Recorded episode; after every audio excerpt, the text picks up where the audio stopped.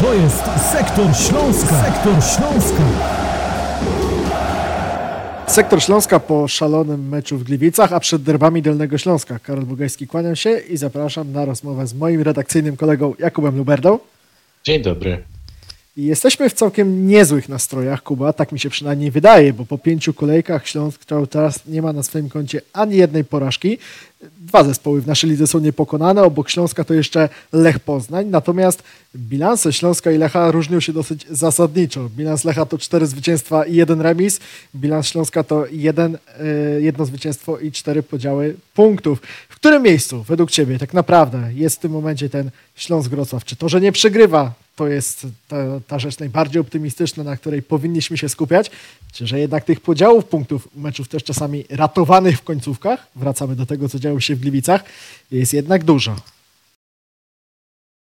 W którym momencie jest Śląsk, pytasz? No to jest trudne pytanie, trudne pytanie mi zadałeś, powiem szczerze, bo z jednej strony fakt, że Śląsk nie przegrywa, no może cieszyć, musi cieszyć taki fakt, no bo drużyna nawet jeżeli ma problemy podczas meczu, nawet jeżeli nie wszystko układa się po myśli e, zawodników Śląska, no to tak samo jak Gliwicach w jakiś sposób e, te losy spotkania potrafi obrócić, no i zawsze zgarnie chociaż ten jeden punkt. Z drugiej strony, no mówimy tutaj aż o czterech remisach na pięć meczów. E, ta zdobycz punktowa łączna, te oczka w tabeli, no chyba nie do końca zgadzają się, nie do końca wyglądają tak, jakbyśmy chcieli, żeby one wyglądały, bo 7 punktów po 5 meczach, no to nie jest y, jakiś wybitny dorobek, a wydaje nam się, y, że Śląsk przede wszystkim stać na więcej i myślę, że to jest największy problem zaistniałej sytuacji, że wrocławianie, y, ok, nie przegrali meczu, cieszy nas to, ale my po prostu wiemy, my znamy ten zespół, my widzieliśmy, co oni potrafią na samym początku tego sezonu, kiedy jeszcze grali na dwóch frontach, y, że oni potrafią grać dużo lepiej, że można od nich oczekiwać więcej.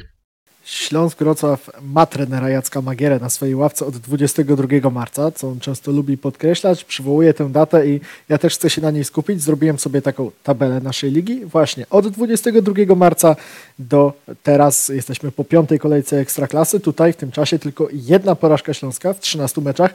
Najdłuższa seria bez przegranej e, w naszej Ekstraklasie ta seria, która zaczęła się od remisu z Zagłębiem Lubin w poprzednim meczu e, derbowym i mecz derbowy również przed nami e, w najbliższy weekend. Śląsk, o czym wspomniałeś, zmienia się i zastanawiamy się, czy ta zmiana jest na trwałe, czy ta zmiana, którą proponuje trener Jacek Magiera, no to jest wypadkowa pewnych rzeczy, czy jednak efekt konsekwentnej pracy. Kiedyś Śląsk strzelał w każdym meczu dużo, ale jednocześnie też tracił, no to mówiliśmy spokojnie, może pójście na taką wymianę ciosów w każdym spotkaniu to nie jest jednak najlepsze rozwiązanie, może lepiej skupić się na grze trochę bardziej pragmatycznej. Gra pragmatyczna przyszła, te mecze są mniej atrakcyjne w ostatnim czasie, ale właśnie, czy to jest powód do niepokoju, czy jednak oglądamy taką w jakimś sensie docelową twarz, bardziej wyważonego Śląska? No mnie wydaje się, że to nie jest ta docelowa twarz Śląska. Ja myślę, że Śląsk ma właśnie grać y, w sposób widowiskowy, Śląsk ma grać ofensywnie i ma cały czas szukać tej drogi do bramki przeciwnika, o czym zresztą wspomina trener Jacek Magiera. Jednak wiemy, że drużyny no, powinno budować się od tyłu, powinno zaczynać się od defensywy. W Śląsku ta defensywa szwankowała y, na początku sezonu no widać było to, no niemiłosierne były te statystyki dla Śląska. Ta liczba straconych goli w kilku kolejnych meczach była naprawdę spora. Ararat przyjechał i strzelił nam trzy gole na stadionie we Wrocławiu. To jest też y, takie osiągnięcie, no niechlubne, powiedzmy sobie szczerze. Estońskie Pajdy potrafiło zdobyć y, gola w meczu przeciwko nam, no ta defensywa wyglądała rzeczywiście słabo. W ostatnich meczach po tym bolesnym 4-0 od y, HPL-u, który przyjął, musiał przyjąć Śląsk na wyjeździe, no ta gra z tyłu zaczęła wyglądać już nieco lepiej. Ta gra zaczyna się poprawiać. Najpierw czyste konto. No ostatnio mecz z Piastem zakończony remisem 1 do 1, ale też ta defensywa nie wyglądała wcale aż tak źle. No ja myślę, że jeżeli opanujemy to, co dzieje się z tyłu, no to wtedy będzie można zacząć kombinować z przodu, wtedy będzie można e, szukać coraz bardziej ofensywnych opcji, e, podłączać większą ilość zawodników do tych ofensywnych akcji, chociaż trzeba też powiedzieć, że to nie jest tak, że Śląsk nagle zaczął być drużyną, która tylko siedzi na swojej połowie i się broni, bo Śląsk dalej stara się atakować, jednakże mam wrażenie, że teraz czyni to z nieco większą rozwagą.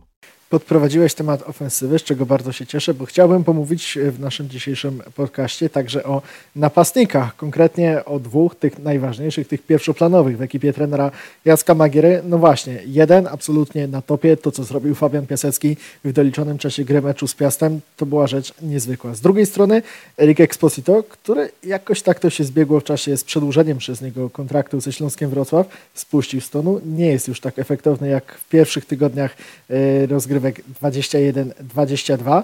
No i pytanie, co w takim razie na derby? Z jednej strony, kiedy pomyślimy sobie o Eriku Exposito, o jego najlepszym występie w Ekstraklasie, no to pewnie przyjdzie nam na myśl właśnie Zagłębie Lubin. On trafił nawet w meczu wyjazdowym, tym ostatnim w poprzednim sezonie e, przeciwko Zagłębiu, a jego gole wyjazdowe, jak wiemy, to nie jest wcale rzecz oczywista. Z drugiej strony Fabian Piasecki, który może zasługuje, no ale kiedy już wychodził w podstawowym składzie, to zazwyczaj tych szans nie wykorzystywał. Trener Jacek Magiera ma Twoim zdaniem ból głowy przed tym meczem e, z Zagłębiem, czy wcale nie? No ja myślę, że taki drobny ból głowy może mieć, ale to bardziej ze względu na to, że Erik Exposito obniżył loty, niż na to, że Fabian Piasecki jest w jakiejś wyśmienitej formie, bo ta zmiana w meczu z Piastem zakończona w sposób no, rzeczywiście niesamowity, bardzo widowiskowe trafienie, bardzo zresztą trudne do wykonania. Ja myślę, że sam Fabian, gdyby próbował powtórzyć taką akcję w 10 kolejnych próbach, no to możemy śmiało powiedzieć, że nie każda skończyłaby się golem. E, I ta zmiana, te, te 30 minut przed zdobyciem bramki w wykonaniu Piaseckiego były zwyczajnie słabe. Tam były liczne straty, problemy z opanowaniem piłki, niecelne podania, y, też nie do końca udane uderzenia. Tam nie wszystko działało w grze Fabiana Piaseckiego tak jak należy, lecz no, ta ostateczna rubryka z golami, z której y, rozliczamy tak naprawdę napastników, y, no w jego przypadku działała na jego korzyść i to jego trafienie było rzeczywiście wyjątkowe. No i to jest takie trafienie, które jednak pozwala zawodnikowi uwierzyć w swoje możliwości. To jest coś takiego, no coś wyjątkowego. Ja myślę, że to nie jest tylko tak, że my teraz cieszymy się z tego, że, że możemy oglądać ładne bramki w Ekstraklasie, ale dla samego zawodnika to jest, e, no może go niesamowicie popchnąć tak mentalnie do przodu w kierunku takiego, no w takim pozytywnym kierunku, w kierunku tego rozwoju i chyba taką musimy mieć nadzieję, że, że to trafienie pozwoli Piaseckiemu uwierzyć swoje możliwości i sprawi, że będzie jeszcze lepszy. Jeżeli chodzi o samą e, decyzję trenera Magiery, na kogo bym ja postawił e, w tym meczu z Zagłębiem. No to z jednej strony mamy Exposito, który rzeczywiście, jak wspomniałeś, z, w tych derbach czuje się bardzo dobrze. Z drugiej strony mamy Piaseckiego, który jest na fali i wypadałoby, żeby miał chociaż okazję pójść za ciosem, prawda? E, I no ja osobiście chyba postawiłbym i co ciekawe, właśnie Erik Exposito zdobył jedyną bramkę z gry dla Śląska Wrocław w pięciu ostatnich meczach na stadionie w Lubinie. Śląsk tam nie wygrał od lat dziesięciu. Pięć ostatnich spotkań z Zagłębiem na jego terenie e, to jest pięć porażek. Coś takiego, co przed niedzielą Kuba jawi się nam jak klątwa, ale właśnie w związku z tym pytanie do ciebie. Czy ten Śląsk, trenera Jacka Magiery, czy ci piłkarze, cały czas niepokonani w tym sezonie Ekstraklasy, może jednak nie pójdą śladem swoich poprzedników, może jednak ten mecz w ramach szóstej kolejki Ekstraklasy będzie oznaczał dla zielono-biało-czerwonych derbowe przełamanie. No ja powiem coś, y, za co, z czego będą mogli moi, nasi koledzy z redakcji ze mnie szydzić, jeżeli nie okaże się to prawdą, ale no, ja jestem całkowicie spokojny o to starcie derbowe. Myślę, że myślę, że Śląsk y, Jacka Mangiery jest teraz w takiej sytuacji, że przez te ostatnie kilka spotkań no, to zwycięstwo dosłownie wisiało na włosku, a to Petr Szwarc nie wykorzystywał swoich świetnych y, okazji na zdobycie gola. Tam Mateusz Praszelik miał kilka szans, z których y, żadna nie zamieniła się na bramkę. Pamiętamy też te różne przygody z sędziami, którzy mm, no nie zawsze podejmowali odpowiednie decyzje, chyba możemy tak dyplomatycznie z tego wybrnąć. I wydaje mi się, że Śląsk jest w takim momencie, że oni muszą w końcu wygrać. Wszystko zmierza e, w tym kierunku. E, no i mam nadzieję, że stanie się to właśnie w tym e, spotkaniu z Zagłębiem. Myślę, że Śląsk nie przegra tego spotkania. Obstawiałbym remis lub zwycięstwo Wrocławian. No i takie derbowe punkty to na pewno byłoby coś. Szósta kolejka Ekstraklasy, niedziela, godzina 15, stadion w Lubinie. Będziemy tam dla Was jako redakcja śląsk.net.com i tradycyjnie w formacie radiowym będziemy komentować spotkanie drużyny trenera Jacka Magiery. Jakub Luberda? Dziękuję. Karol Bugajski to był sektor Śląska, w którym e, podsumowywaliśmy sobie wszystkie bieżące wydarzenia związane z naszym ukochanym klubem. Hej Śląsk!